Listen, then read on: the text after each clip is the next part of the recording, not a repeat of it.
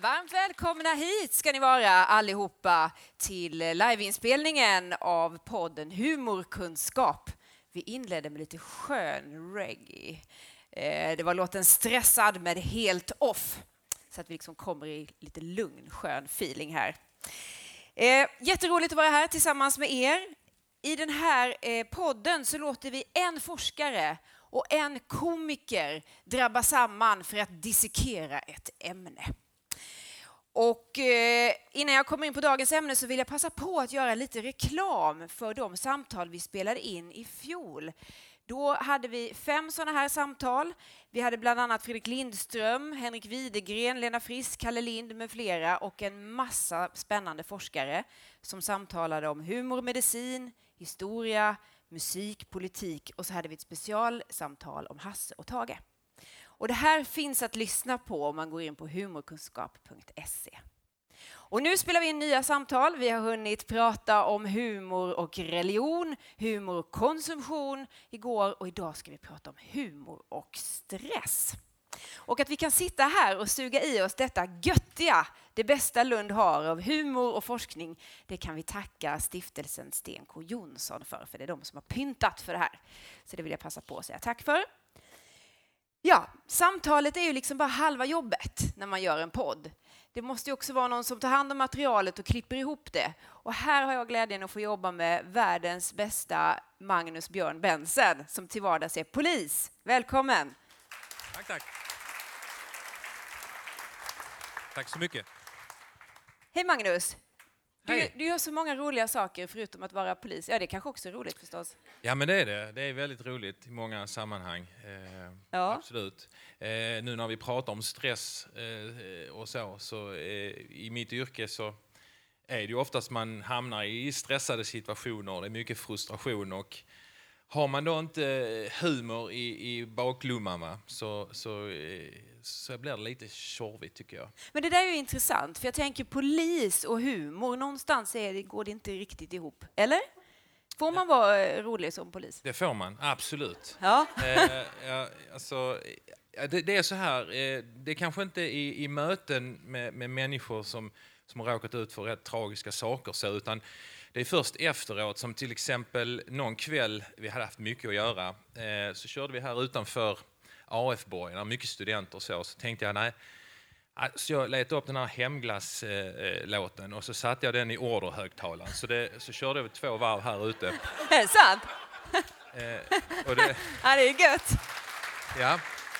Och det var ingen som kom med skruvdragaren då och körde den rätt in? Nej, det var det inte. Nej, Vi, eh, inte den gången. De brukar eh, respektera oss så, men Ja. det, det är ju liksom... Eh, och, och, och, det, det blir lite förlösande liksom. Men vad är poängen med det egentligen? Är det att liksom bygga en bra relation eller att, eller att ni måste ha lite kul? Ja, alltså, ja, men både och. Och se människan bakom uniformen. Vi är ju inte, vi är ju inget speciellt egentligen. Vi har vår uniform, vi har vår myndighetsutövning, men utöver det så är vi liksom som vem som. Du har ju skött polisens Instagramkonto och så eh, och varit med och byggt upp mycket kring detta och där jobbar ni också mycket med humor. Ja, men det gör vi, för vi tycker inte om pekpinnar, men kan man få in humor i någonting där så, så, så, så är det mycket enklare på något sätt. Ja. Vad har roat folk mest? Ja, det är nog våra eh, första aprilskämt. Så jag har ju jag, jag, så jag byggde någon sån här cykel med en saftblandare på för eh, det var nya, re, eh, nya reglementet liksom. Det blev jättepoppis och sen så, eh, ja, jag har gjort mycket, påskhälsningar så, så ja, så sminkar jag mig till en påskkärring. Det är inte klokt vad jag gör kymiga saker för polisen. Men, men alltså, för, det måste finnas en viss underhållningsvärde utanför den sakens skull blir lite, att det inte blir pajaserier utan, Nej. utan eh, en lagom mix så att säga. Hjälper det er att hantera liksom, vardagen och stressen? Ja, det tycker jag. Eh, jag brukar, ehm, eh, Ernst brukar inte gå hem på mitt jobb så jag brukar sätta upp massa eh, såna Kirchsteiger pratar vi om. Kirchsteiger, ja precis. Jag sätter upp lite, eh, eh, precis, lite såna lappar på honom och citat och så. Och folk brukar bara eh, skriva, men då, då, då berör man ju liksom, eller hur? Man försöker ju ändå få kollegorna att lätta lite på Ja. trycket. Ja, det är härligt att få höra lite inifrån polisens verksamhet. Ja. Nu ska vi snart få träffa våra gäster här. Ja. Är det något speciellt du är nyfiken på? Eh, nej, inte idag. Nej, det är lördag. Vi orkar inte. Eh, Jag tycker, nej, skojar bara. Nej, men, eh, nej, men vi, vi vill, jag är lite intresserad av det såklart. och, eh, Jag vill bara nämna det här humor och stress. När, vi, har ju, eh, vi har ingen arbetsplats, vi har inget kontor. Så ibland när man blir nödig och mitt ute på landet, och då är det humor och stress. Ja, det är bra, Magnus. Ja, där. Tack, tusen tack. Jag tycker vi kör igång podden.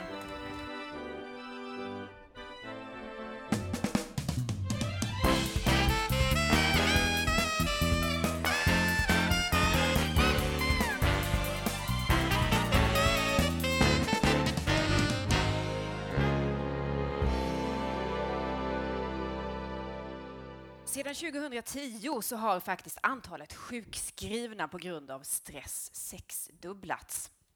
De som bränns ut är yngre, man är borta längre och var fjärde drabbad blir sjuk igen.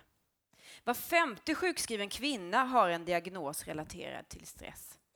Men den som tror att det där har att göra med kön tror fel. Det har att göra med hur mycket vi har att göra och hur vi hanterar detta. Vi vet till exempel att mäns blodtryck sjunker när arbetsdagen är slut medan kvinnornas ökar.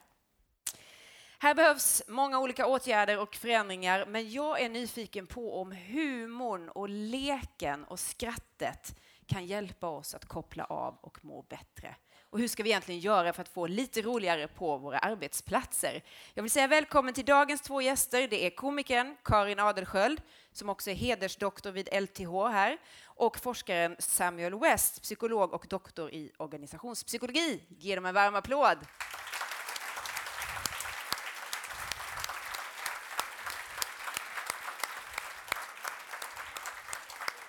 Hej! Hej och Hej. varmt välkomna. Så roligt att ha er här. Tack. Vill ni, är ni bekväma med att stå eller vill ni hellre sitta? Vi står va? Vi står. Ja. Då får vi liksom bra tempo in i det hela. Karin, jag vill börja med dig. Ja. Du bestämde dig för att bli rolig och Ja. blev det. ja. Hur gick det till? Skrattar ni? det var inget skämt. Nej, men jag har väl varit en person som har varit väldigt noga med att vara allvarlig hela mitt liv, att vara, vara seriös. För att jag fick lära mig det hemifrån, att om man ska bli tagen på allvar, då måste man vara seriös. Som mamma från Östergötland sa, man måste vara seriös, Karin. Ehm, och jag var väldigt seriös. Jag jobbade som eh, frilansjournalist eller som radiojournalist eh, efter jag pluggade här i Lund. Och jag, ehm, ja, Men du vet vi ju hur väldigt- det är med oss journalister. Det är mycket Ja. deadlines som man glömmer bort att skratta ibland. Precis. Och sen så eh, gick jag in i väggen faktiskt för tio år sedan och jag ja, hamnade av en slump på en standupkurs. Och det här låter ju helt märkligt, men det var helt enkelt så att jag hade två små barn hemma. Jag ville bara fly hemifrån, eh, komma bort, vila upp mig. Och min man och jag vi sa vi ger varandra varsin vecka och göra vad vi vill med under sommaren. Han är författare, tror han, så att han åkte och eh, isolerade sig och eh, skrev en bok och jag visste inte vad jag skulle göra. Jag tänkte så här, ja men akvarellkurs tänkte jag, det gör ju kvinnor i min ålder. Eh, och, och målar på folkhögskola. Men alla de platserna var upptagna så jag hamnade då av en slump på en kurs i stand-up. Och jag visste inte vad stand-up var. Jag hade som sagt var ingen tanke på att bli rolig heller. Utan jag tänkte bara så här, jag vill bara komma iväg från barnen och vila upp mig. Och så tänkte stand-up, det var det enda som fanns. Tänkte, äh, det, Det var det kan vara bra till någonting. Ja, det var desperat faktiskt. Var det. Alla som är småbarnsföräldrar vet vad jag pratar om. Ehm, och då upptäckte jag att humor var någonting som jag inte hade någon aning om vad det var. Alltså humor är inte motsatsen till att vara seriös, utan tvärtom. Humor och seriositet hänger väldigt mycket ihop på en massa olika anledningar. Och då eh, så insåg jag, men herregud, jag kan nog behöva bli lite roligare.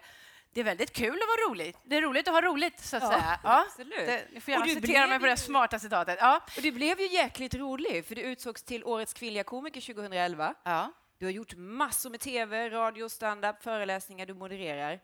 Man kan säga att det lossnade när jag började bli kul. Jag hade liksom slitit och försökt få jobb och bli tagen som allvar som teknikjournalist och sådär. Ja. Men eh, först när jag började skämta om teknik eller började skämta om vetenskap, eller inte bara om, utan försöka göra allting lite roligare, mer lättillgängligt, då upptäcktes det. Mm. Hon är ganska kul. Och det funkade. Och det kombinerade dem. funkade att kombinera de två. Det trodde jag aldrig. Det är intressant. Ja. Men det här började med en utbrändhet, sa du. Ja. Och sen hittade du humorn. Men sen, 2016, då gick du in i väggen igen. Så gjorde jag det igen. För att jag är också lite dum i huvudet. Nej, det tror jag inte. Nej. Nej, men det var väl... eh, Det började gå bra. Jag började eh, jobba med stand-up och, och tv och alla möjliga saker. Och det var, gick, det var alldeles för roligt först. Så att jag jobbade lite för mycket. Och då tänkte jag nu ska jag inte bränna ut mig igen utan då så faktiskt flyttade jag upp till Norrlands inland och sa eh, bort la ner jobbet. Jobbade inte så mycket. Gjorde annat, gick i skogen och höll på med yoga och sånt där, andningsövningar och sånt som man ska när man är på man väg att bli stressad. Ja. Och eh, hade inte kul alls. Och då gick jag in i väggen. Så jag gick inte in i väggen av att inte jobba, utan jag hade så tråkigt så jag blev liksom... Det brände ut dig helt enkelt. Det är ju jätteseriöst, ni Ja. skrattar åt min sjukdom. Nej, men jag fick en utmattningsdepression kan man säga. Ja. Och ehm, insåg att jag är komiker som pratar om vikten av att ha roligt och hade inte kul själv. Nej. Och då Och- gick det som det gick. Om detta har du skrivit en bok, nämligen den här, nu håller jag upp den. Eh, nu är det kul igen, från utmattning till arbetsglädje av komikern som inte hann skratta på jobbet. Det låter ju liksom lite... Det låter ganska hemskt. Ja, det är oerhört tragiskt, eh, naturligtvis. Eh, Nej, men ehm, jag börjar ju inse hur mycket humor och stress hänger ihop och att det inte är så enkelt som att säga att Nej, men jobba inte så mycket eller byt jobb eller ta ett... Ja, utan, Gör lite mer mindfulness. nej, precis. Lite mer yoga eller... Jag gick på andningsövningar. Jag tänker så här, man borde kunna andas när man är 40 plus, men... Eh, och då insåg jag att nej, men det finns någonting annat i det här. Det finns någonting med att betona lek, eh, lust och humor i sitt arbetsliv som är så himla viktigt. Och man kan underhålla andra utan att själv ha roligt. Det var ju det jag gjorde. Och framförallt så slutade jag jobba med det jag tycker är absolut roligast i hela mitt liv, nämligen att stå på scenen och, och, och så. Du fyllde inte på med det du Jag fyllde inte på. Och då började jag titta på det och forska på det. Jag läste det du har skrivit. Eh, och sen är det ju så att jag har varit ute på arbetsplatser i sju år och pratat om humor och arbetsmiljö. Och det kommer vi snart till. Ja. ska vi göra en liten utflykt och se vad vi kan lära av dem. Men jag tänker, Samuel West, du är psykolog och du har forskat jättemycket på arbetsglädje och framförallt vad humor och bus på arbetsplatsen kan göra med vår kreativitet. Mm. Men jag är, är... Går det bra, Karin? Ja, ja, visst. Ehm, jag är jättenyfiken på den här drivkraften. Vad är det som driver oss, oss människor? Varför tillåter vi oss att bli så stressade? Varför är vi inte först och främst drivna av lust, det roliga? Vi borde välja det först. Alltså, eh, jag tänkte, jag tänkte, när jag satt och väntade på att komma upp på scen så tänkte jag du ska ställa frågan vad är det som motiverar oss? Jag har sagt jag ska inte säga som freudian att det är sex. Nej, Så, nu har jag sagt det, jag skulle inte säga Nej, just det. vi ska Ehm, inte prata sex. nej. Okej. Eh, men som eh, beteendepsykolog så eh, kategoriserar man alla beteenden i antingen är de negativt styrda eller positivt styrda. Och det betyder att vi gör det antingen, allt vi gör, gör vi för att uppnå någonting vi vill, alltså något roligt eller meningsfullt, då är det positivt. Eller att undvika något vi inte vill. Och det låter jätteenkelt, men varenda sak du gör eh, styrs av detta. Eh, och i, om vi tar mig till exempel, i, i morse så går jag upp klockan, en lördag klockan åtta. Inte för att jag ville, men för att jag inte skulle vara sen att komma hit. Så det var negativt styrt. Ja. Eh, jag borstar tänderna, inte för att jag tycker att det är kul, Va? men jag gör det bara för att slippa då ett obehagligt tandläkarbesök eller ha dålig andedräkt. Och så kan allting i mitt liv liksom är oftast ett stort minus. Jag gör det oftast för att undvika någonting obehagligt. Och så är det för oss alla. Eh, är ni med så far? ja, absolut. Och problemet med um, utmattningsdepression eller utmattningsproblematik överlag, det är att när vi har för mycket skit i livet liksom, och vi gör så mycket, och det kan vara till synes positiva och roliga saker att, att jobb, ha ett roligt jobb till exempel. Men om man gör det för att slippa ett obehag så är det negativt styrt. Och till slut så har du ett helt liv, full, en hel almanacka full med otroligt roliga resor och spännande saker, vinkvällar och allt det roliga man vill ha i livet. Eh, men det är ett stort fett minus. För att det är fel drivkrafter Ja. bakom då, menar Ja. du? Ja. Och, och det första vi tar bort när vi har, är stressade eller pressade, det är det onödiga. Alltså lek, glädje, kul. ja. För det där är ju intressant tycker jag. Jag vet inte om ni upplever det, men när man är stressad så känns det ju nästan helt omöjligt att koppla på humorn i det läget. Det är precis som att den, den boxen är låst och stängd och nyckeln är bortslängd. Hur gör man det? Jag tror att om jag får svara ur mitt perspektiv så är det väldigt viktigt att veta hur otroligt viktigt det är att ha kul. Att det finns så mycket hälsa att vinna på det. Eh, det är stressreducerande på en massa olika sätt. Men att bara att veta om att man ska prioritera lust och kul som en seriös vuxen människa.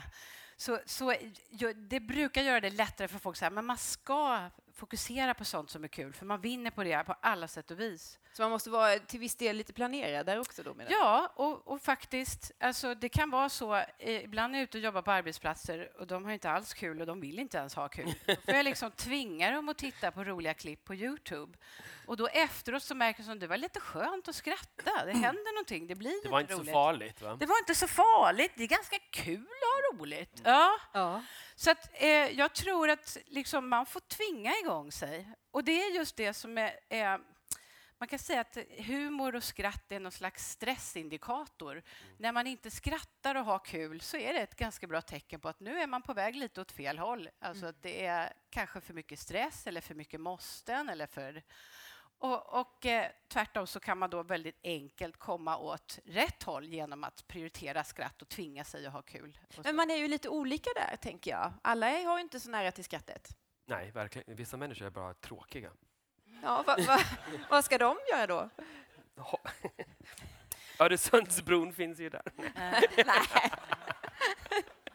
Nej, men helt allvarligt. Alltså, man har ju Nej, olika men, vi- lång vissa väg behöver kanske arbeta lite mer för att upptäcka humorn eh, och prioritera den. Mm. För andra så kommer det naturligt. Ja. Så är det ju. Men vi, är ju, vi har någonting i Sverige, om jag jämför med andra kulturer, där vi ska vara så fruktansvärt seriösa. Ja, det är som att seriositeten själva är ju... eh, Och så stort allvar. ja. Det finns någon, ehm, någon ära i att vara seriös och inte... När jag forskade om lek så eh, fanns ett citat som jag älskar från en... Det finns faktiskt lekteoretiker. Ja. Okej, utveckla. Jag Tycker det är något slags Jag motsatsförhållande där? älskar bara konceptet. Vad jobbar du? Jag är lekteoretiker. Ja. Jag Ehm, leker i Det är teori. ingen lek. Nej, nej, nej, oh, nej. Nej. Eh, och då finns det... ehm, eh, lek, seriositeten exkluderar leken, men leken inkluderar seriositeten. Exakt. Så, så känner jag liksom... Halleluja! Ja, men det är Ja, det är samma med humorn eller, eller, eller kul. Ja. Att du kan vara seriös och humor, men du kan aldrig ha humor om du är tråkig seriös. Men jag var ju tråkig och seriös i 35 år innan jag kom ut som rolig. Och jag eh, vet ju då att det, det, alla kan bli roliga. Uppenbarligen. Jag har skrattat flera gånger, kanske åt mig, inte med mig. Men alltså, man kan det, men man måste liksom välja glädjen, som Kai Pollak skulle sagt. Ja, man måste ju välja att vilja ta sig Ja. själv på mindre allvar, kanske. Som i mitt fall var det väldigt mycket så. Alltså jag, jag tyckte... Jag kunde inte skratta åt någonting, liksom, utan jag bara grät. Men håller du med om det, Samuel, att man måste Jag, jag, bara, jag, jag, jag tänkte bara när du pratade om att alla kan vara roliga, även de mest seriösa.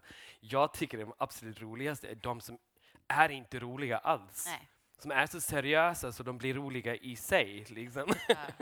Och det är ju så, humor bygger på igenkänning och överraskning. Så när jag är ute och eh, coachar, liksom, och jag har jobbat med polisen också, och jag var på eh, Finansdepartementet, nej förlåt, Justitiedepartementet nyligen. Eh, och då när jag kom dit så sa de, vi måste bara be om ursäkt, vi är de absolut tråkigaste i hela Sverige. Oj. Vi är så tråkiga och vi ber om ursäkt. Och då är det så här att humor, överraskningen är själva skrattmomentet. Så att ju tråkigare det är, desto roligare kan du bli med väldigt små medel. När jag ställer mig här och pratar så tänker alla, lite rolig måste de vara, annars vill jag ha pengarna tillbaka. Ändå lite Även om det är gratis. Ja, ja, ja, ja.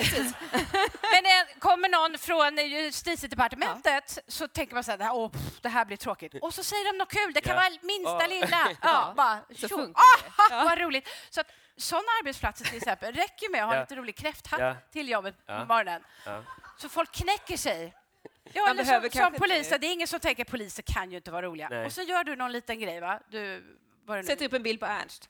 Ja, precis. Ja. Och folk tänker, åh, han är ju inte riktigt klok, men kul. Ja. Men du har ju tittat på det här bland annat i din Ja. bok. Du har gått igenom en massa forskning och så. Och du skriver bland annat om eh, vem som får oss att skratta. skratta. Och det där tyckte jag var lite intressant, för att väldigt få blir skrattiga av chefen. Hen väcker inte så mycket glädje. Dubbelt så många män jämfört med kvinnor skrattar åt sig själva. Ja. Vad ska vi dra för slutsatser av det? Det är helt Ja, underbart. Ja, vem plockar? Bekräfta regeln. No comment. No comment. Karin, vad tror du? Alltså det, där har vi, när det gäller chefer så har vi det igen. Alltså I Sverige så tror vi att vi måste vara seriösa för att bli tagna på allvar. All forskning visar att det är tvärtom. Ju mer du kan skämta som chef på din egen bekostnad, desto mer framstår du som empatisk och förtroendeingivande. Och intelligent. Och intelligent, precis. Och nu, jag menar, Obama eh, som president var ju ett, ett fantastiskt exempel på någon som verkligen kunde driva mycket med sig själv trots att han ändå var ledare i hela världen. Jag ska inte prata om den som tog över sen. Han har ingen Det- humor. Nej, det är ju där de tvistar, det lärde. Okej. Ja, han kanske är ett stort skämt bara. Ja. Hela. Vi, vi, vi vet Big inte. practical Ja. joke. Men Nej, ändå, så tjä- chefer tjänar jättemycket på det. Sen, sen tror jag, och nu är, det här är ju, nu är jag bara en glad, eh, glad komiker som giss, giss- tjejgissar här, men jag tänker att många av oss kvinnor, vi tar oss kanske lite... Vi, vad ska man säga? Ni män, ni är inte så smart. Nej, jag ska inte säga heller. De har Vad, närmare vad försöker du säga här? Ja, precis. Nu Hur ska du lägga upp jävligt nu, Karin? till här, märker jag. Nej, men jag tänker att vi... eh, För, jag vet inte. Det finns många av oss tjejer har svårare att skratta åt oss själva, kanske för att vi har så mycket mer att leva upp till. Vi har större press på oss. Ja, men kan det inte ha att göra med det där höga blodtrycket? Vi har så himla mycket att göra. Vi hinner Det kan vara det och att det är också man är, så var det för mig. Jag var väldigt ung när jag började på Sveriges Radio. Jag ville inte skämta för jag var rädd att de inte skulle ta mig på allvar. Här kom jag, blond tjej och liksom eh, 23 år och bara hållit på med studentradio i Lund och så skulle jag liksom axla ett stort program. Så jag var jätteseriös. Eh, för att jag trodde att det skulle vara så. Ja. Och jag tänker att ja, det är farligt att prata om kön alltså. Ja, vi kan lämna Det är den ju pucken det. så Men, länge. men, men, eh, Men jag tänker Ja. så här, Karin. Eh, i, på en arbetsplats, det handlar ju om hälsa, vi ska må bra, vi ska trivas och så. Men det har ju också fördelar för själva arbetet vi gör. Det är ju det du har forskat på. Alltså vad händer på en arbetsplats om vi släpper in mer av humor och skratt? Vad blir bättre av det egentligen? Ganska mycket. De flesta parametrar som man är intresserad av som arbetsgivare förbättras av när det är kul på jobbet. Vad då till exempel? Engagemang, sjukskrivningar går ner, eh, produktiviteten går upp och små saker. här är skitbra. Eh, på en arbetsplats där folk har kul på jobbet, hög arbetsglädje, så snor människor mindre från kontorsskåpet. ja, Är det sant? ja, Det är helt underbart. ja. För det där är någon slags liten hämnd, eller? Jag tar lite pennor här. Ja. fasen, jag fick... Okej. Ja, A4-ark Ja. hem till mig. Har det gjorts forskning på det här alltså? Yes. Ja, mycket intressant. Men det är så, man blir mer effektiv, man får också den här teamkänslan. Och jag tänker ofta företag de bränner väldigt mycket pengar på någon kick-off en gång om året. Då ska alla ha skitkul. Liksom. Mm. Och det är någon annans version av kul. Ja, just det. Inte Det är då man hyr in en sån som mig. Och folk vill egentligen Ja. bara umgås och Ja. säga, nu kommer det komiker! Är det fel taktik då, menar ni? Ehm, Man måste ha lite roligt varje dag. Min tror jag. dröm är att, jag har aldrig fått något företag att nappa på det här, eh, men Se om det är någon som hänger på här nu. out there, ehm, det är att säga nu ska vi ha personaldag.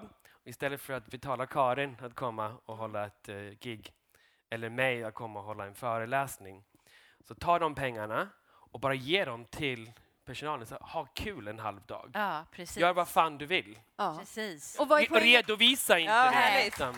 vad, Eh, är, vad är poängen med det? Vad skulle bli bättre då? Ja, men då, för Karin tycker att det är kul att andas i kvadrat och göra yoga. Eh, Nej. Det var, det var förr. Ja. Och du tycker något annat är kul och jag tycker något annat är kul. Varför, kan inte, varför måste vi samlas kring en aktivitet? Gör vad som helst i två timmar, gör det på arbetstid. Men är inte Kom tillbaka och ha, ha festen och, och mat och Mm. vdn pratar och sånt. Men låt alla göra något annat och så kan de, har de något att prata om. Vad gjorde du? Ah, men jag gjorde Precis. whatever. Ja. Och så blir det äkta Jag inifrån. gick på ostprovning själv. alltså, Ja, det är roligt att berätta om det än att säga Ja. vad tyckte du om Karins skämt? Ja, just det. Liksom. Ja. Förstod ingenting. Men ni har ändå varit ute på många arbetsplatser och jag, jag är nyfiken där på vilka är riktigt duktiga på det här med humor? Kan vi lära av några? Jag upplever att inom vård och omsorg är man väldigt duktig. Okej. Eh, tyvärr så är man också väldigt stressad där, men många som jobbar nära människor har oftast mycket humor och lätt till skratt och har det också som en överlevnadsstrategi för att orka och funka. Eh, och det, det jag gjorde en undersökning ihop med undersökningsföretag och då visar man att eh, inom HR så skrattar man minst. Oj. HR Har vi några HR-personer HR här? här? det är ju lite synd då, för att det, där ska man ändå jobba med människor. Men det intressanta är när jag är ute och pratar är ju just att cheferna, de blir så här, va, kan man tjäna pengar på att folk har kul på jobbet? Då blir det plötsligt intressant. Ja. Och då, det handlar väldigt mycket om att chefen ska tillåta trams på jobbet, på arbetstid. För ofta så tänker jag så här, men gud, jag kan inte stå här och tramsa, Nej. jag måste vara seriös igen. Exakt. Grejen är bara att man ska, istället för rökpaus, ta skrattpaus. Eh, eh, för det är för allas bästa. Liksom. Är detta viktigt att det kommer från chefen, att man sanktionerar? Alltså, humor? chefen ska inte vara den som är rolig. Alltså, det är de tydligen inte än. Nej. Eh, men eh, de måste föregå med gott exempel. Att säga att det är okej och till och med man, eh, man vill att folk ska ha roligt på jobbet. Så föregå med gott exempel. Ja. Och det här är så här små dolda signaler väldigt viktiga. Om du börjar köra ett skämt här på vårt lilla personalmöte och så när du börjar prata så är jag chefen och jag rullar mot dig och så rullar jag med ögonen Ja. så här. Nej, nu ska Cecilia... Ah, nej, inte igen. Nej, Det räcker med sådana små, små signaler. Du tar ju en risk när du försöker bjuda på dig själv. Precis. Du, är du är sårbar. Mm. Om det är lekfullhet, glädje, humor, whatever. Eh, det räcker med små signaler från oss. Liksom, sluta tramsa. Vi, vi ska vara klara klockan 12. Ja. Så det är den Eh, där signalen att det är att- tillåtet? Ja, att, att ge att du- tillåtelsen. Ja. Uttryckligen ge tillåtelsen. Och då räcker det, som Karin sa, det räcker inte med att ha en kick-off med en komiker en gång per år. Det är kul, absolut, kör på av denna, för att det är roligt. Men in, det kommer inte gynna humorn på arbetsplatsen ett skvatt. Nej.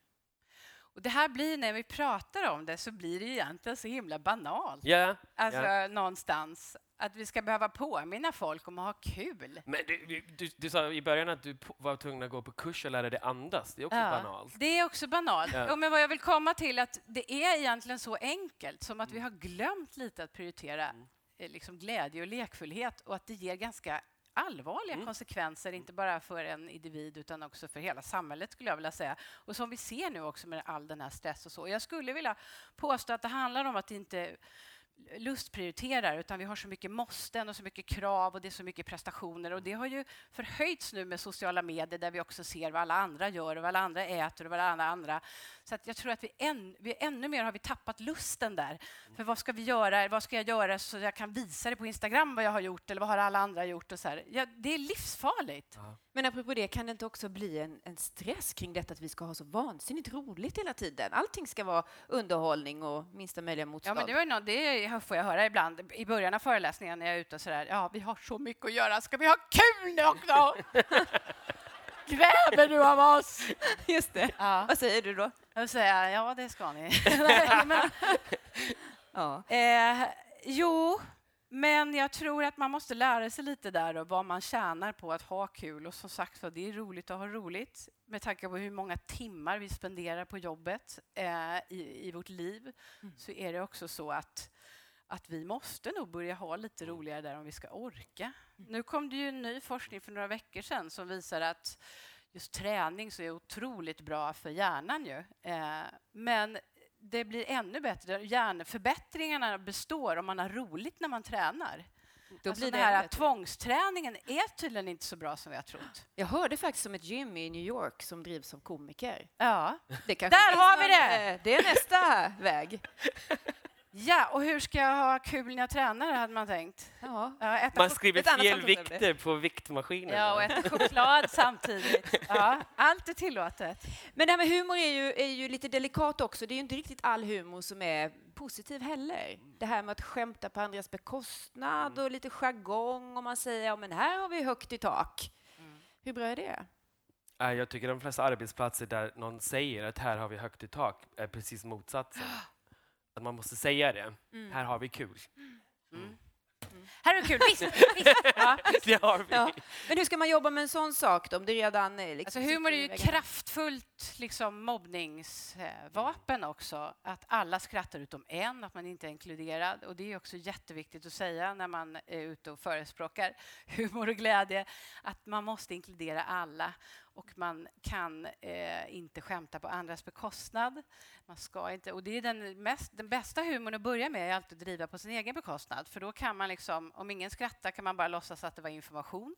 Eh, och man sårar ingen annan. Liksom. Eh, jag har, varit, jag har jobbat med försvaret faktiskt. De tog in mig för att humorsanera. En av, där de hade... Humorsanera? Ja, Är det sant? Det, är väl, det kan jag lära det dig. låter roligt. Ja, ja. Berätta. Nej, jag, jag menar seriöst. Ja, alls nej, men det, det, det, de har problem med en jargong där som gjorde att flera kände sig utanför och framförallt kvinnor. Och då, för där handlar det om att lära dem vad är humor, hur funkar det, varför kan ni inte dra det här skämtet? Alltså vad är det som händer när ni drar skämtet? Varför inkludera... Alltså, och det handlar jättemycket om att informera om hur det funkar. Liksom. Vad säger du då? Vad gjorde ni? Ja, vi bara gick igenom hur det funkar. Och skämten, vi, tar, vi började med att de fick säga alla sina skämt och jargonggrejer. Så skrev vi upp dem på tavlan. Sen gick jag igenom ett och ett för att förklara liksom, så här, det här funkar inte för Inte det. bra. Inte, bra, inte bra. bra Okej. Ja, och varför funkar det inte? Humorteori, helt enkelt. Humorteori, ja. Ja. Eh, om vi ska bli lite konkreta och Ja. skicka med lite tips liksom, eh, till all- alla som sitter och lyssnar här, hur vi nu ska kunna förändra kanske vår kultur eller vår arbetsplats eller så. Det här med möten är ju oftast väldigt tråkigt. Ja. Eh, Och och svenskar långa älskar att vara på möten. Vi har många möten. Många möten. Finns det någonting vi kan göra där för att få dem lite... Eh, jag gjorde Bättre. ett experiment här med skattepengarnas medel här i Lund. Eh, så eh, gjorde jag experiment på kan vi, få, kan vi tweaka mötena och göra dem lite roligare. Eh, så jag experimenterade på ett mycket seriöst vetenskapligt sätt Mm. hur vi kan tramsa till och göra möten lite mer lekfulla. Så att jag experimenterade. Det var vanliga möten på en konferensanläggning. Eh, mycket seriösa möten, det var ingen humor med. Eh, och så gjorde jag saker, det, det bästa var att jag bytte ut när de hade sin sträcka benen-paus eller kaffepaus. Så gick jag eller min assistent in och tog bort allt konferensfika.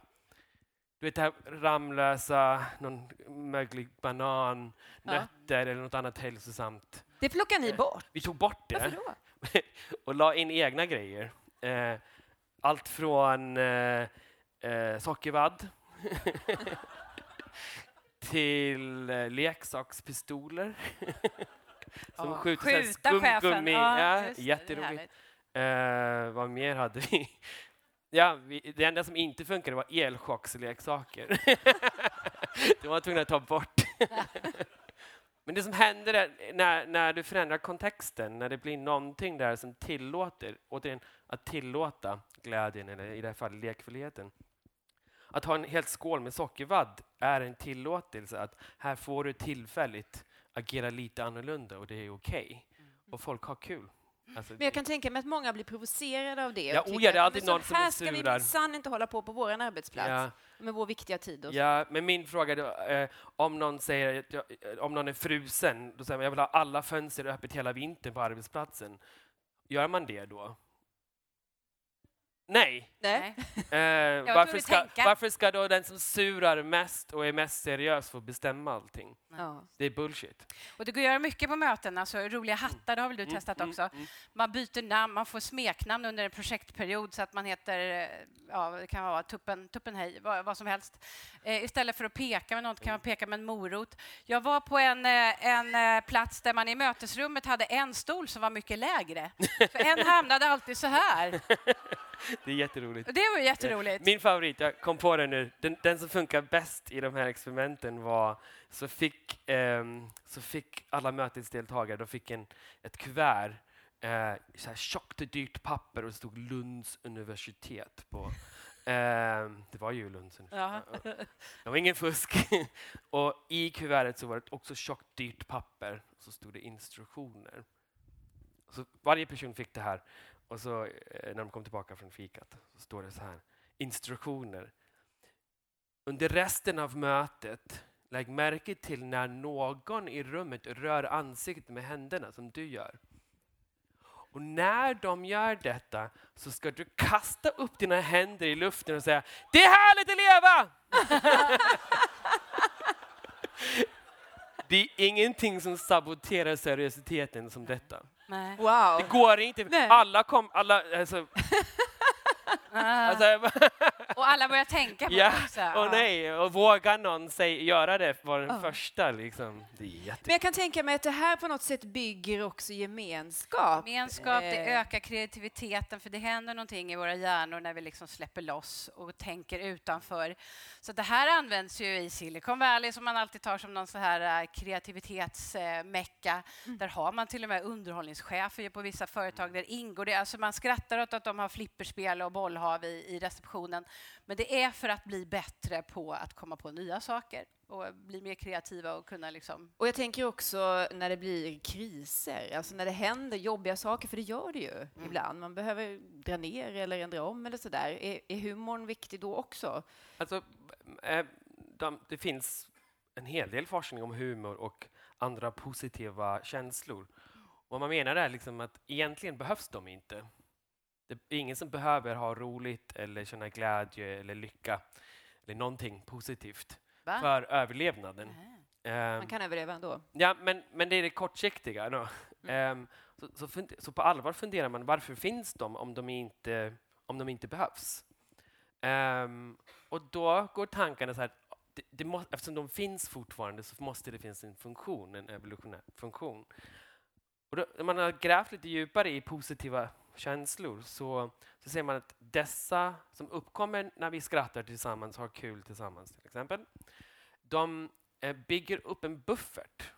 Så att vi har kul här nu i x antal dagar, veckor, whatever. Och sen när det skiter sig så har vi en buffert att ta ifrån. Skrattbuffert. Ja, Ja. humor, positiva känslor, skrattbuffert. Ja. Ehm, och, och det har man sett att de arbetslag och de familjer som har den här humorn, de klarar sig mycket bättre när det blir svårt. Ja.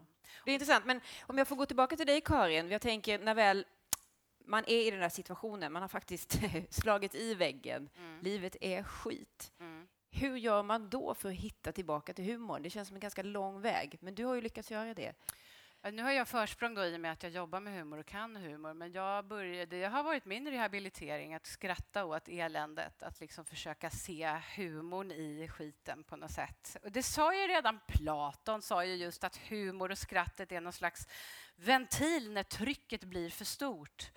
Och när jag har gjort undersökningar då, eh, på arbetsplatser så ett av de vanligaste sakerna man skämtar om det är krånglande IT-system. Känns igen? Ja. Ja, eller hur? Och det är ett sätt liksom att bara orka med skiten. ja. Sen så måste man ju säga att precis när man har slagit sig, eller i mitt fall hamnade på psykakuten, så var det inte så. Jag bara... här var det kul. Men ganska snart så kunde jag ändå... För jag var så förvirrad när jag kom in så jag trodde jag var på hotell. Eh, så dagen efter kunde jag fnissa lite åt att jag tyckte det var ett jävligt dåligt hotell alltså. Med fastskruvade fönster. Det var ju... och, men för att jag har hittat den distansen till mig själv. Men Eh, att försöka skratta åt eländet är väldigt bra, och just när det är tufft på jobbet. Men sen är det klart att, jag vet inte hur många eh, gig eller jag har kommit till och ska köra stand-up och så brukar jag alltid fråga chefen, är det något jag behöver veta innan nu jag går upp på scenen? Ja, vi har ju sparkat halva styrkan så de behöver skratta lite. Ja. Det Nej, så funkar det inte heller. jobbig, det alltså. går inte heller. Nej. Utan det är ju Så timing, Timing, ja, men ändå precis. självdistans. Och det här med självdistans är ju intressant, apropå det du också jobbar med, Samuel. Misstag. Eh, du är kurator för Museum of Failure, som handlar om att lyfta fram olika misstag på olika sätt. Det finns ju någon slags koppling här, tycker jag. Hur Ja, jag hoppas det. Vi kan ju se till att skapa det. Ja, men, eh, i, I min forskning om lekfulla arbetsmiljöer så eh, en av de viktigaste beståndsdelarna av leken är att man experimenterar och är öppen för att misslyckas i det. Och det gör man som komiker hela tiden. Man testar olika grejer och ser vad som händer. Vissa funkar inte, vissa funkar, så kör man med dem.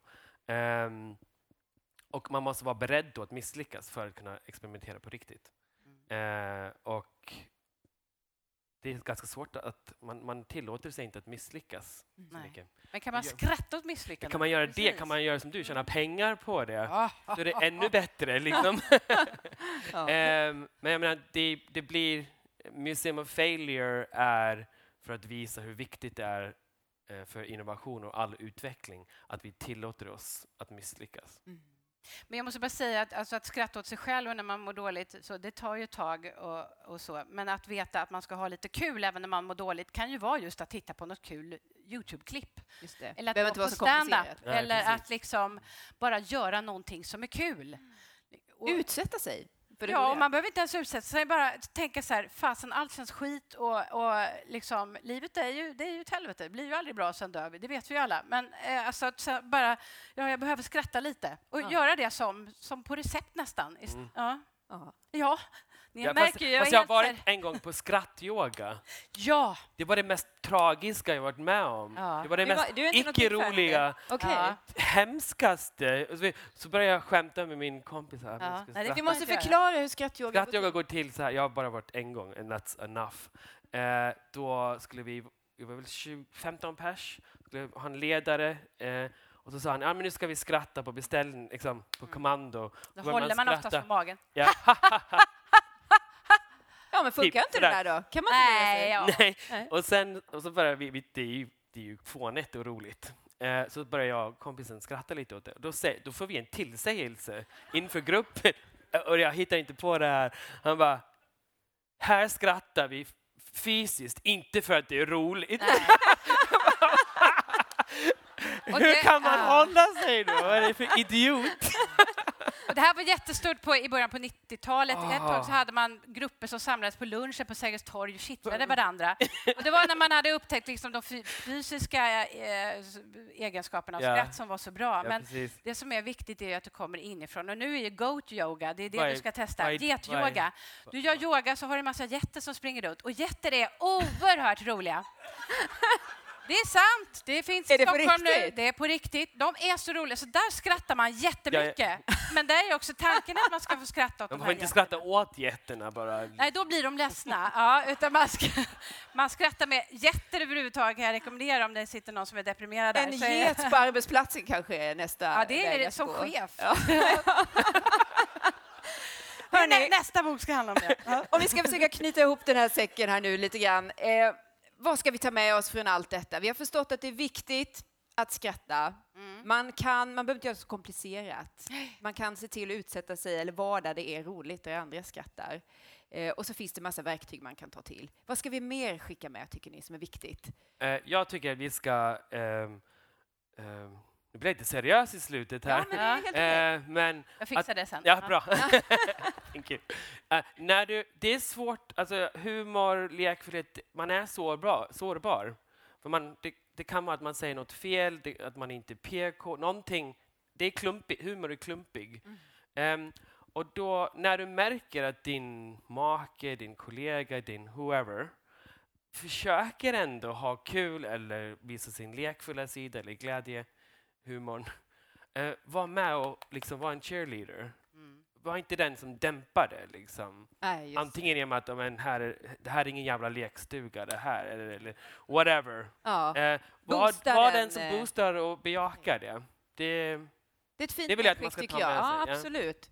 Karin? jag säger, ta humor på allvar. Eh, gå hem nu och tänk sådär, hur roligt har jag egentligen? Och hur skulle jag kunna få det lite roligare? Eh, och som du inledde med att säga, att man gör saker för att man inte vill att något dåligt ska hända. Du borstar tänderna för att slippa gå till tandläkaren, men då kan man tänka du borstar tänderna för att du vill pussa din fru, Mm. eller hon vill pussa dig om du har borstat tänderna. Att man kan också se liksom, det är ju svårt att byta jobb och, och byta eh, sin man som kanske är jättetråkig, men då kan man skratta.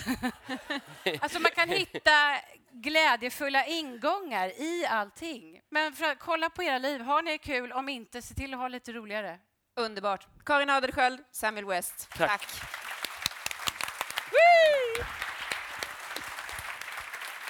Och boken? Precis.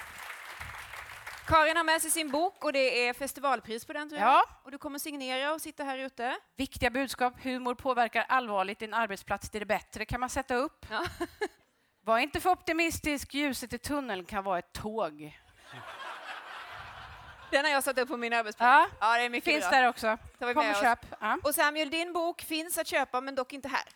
Är min bok... ehm, Kåt på jobbet heter den. jag vet inte. Nej, jag tror inte den är här i alla jag, tror, fall. jag gav bort den gratis ett tag för ingen ville köpa den. Men, Men eh, vi kan säga vad den heter i alla fall. eh, konsten att vara kåt på jobbet. Vad, vad betyder kåt? Glad. Precis. Ja, Jag bara gissa. exakt. Ja, Den kan vi varmt rekommendera. Jag vill säga stort tack till er för att ni ville komma hit och dela med er och tack till publiken att ni var här och delade detta med oss. Tack ska ni ha. Tack.